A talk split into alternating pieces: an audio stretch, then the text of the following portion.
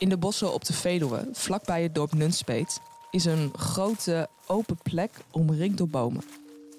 Op deze plek stond een rond huis, of beter gezegd, het Ronde Huis, gebouwd in 1906 door Frank van Vloten.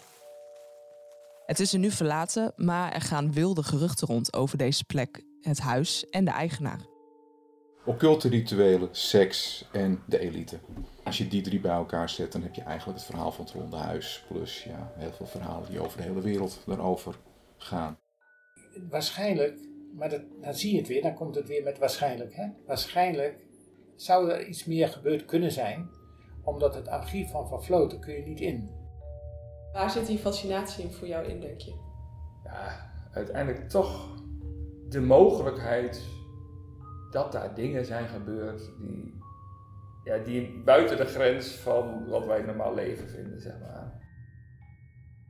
Mijn naam is Emma Somsen, verslaggever bij de Stentor. Tot voor kort had ik nog nooit gehoord van het Ronde Huis in Nunspeet. Maar nu laat het me al maanden niet meer los.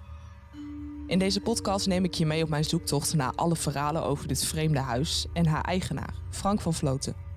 En probeer ik antwoord te krijgen op de vraag waarom complotdenkers over de hele wereld zich hierin vastbijten en niet meer loslaten.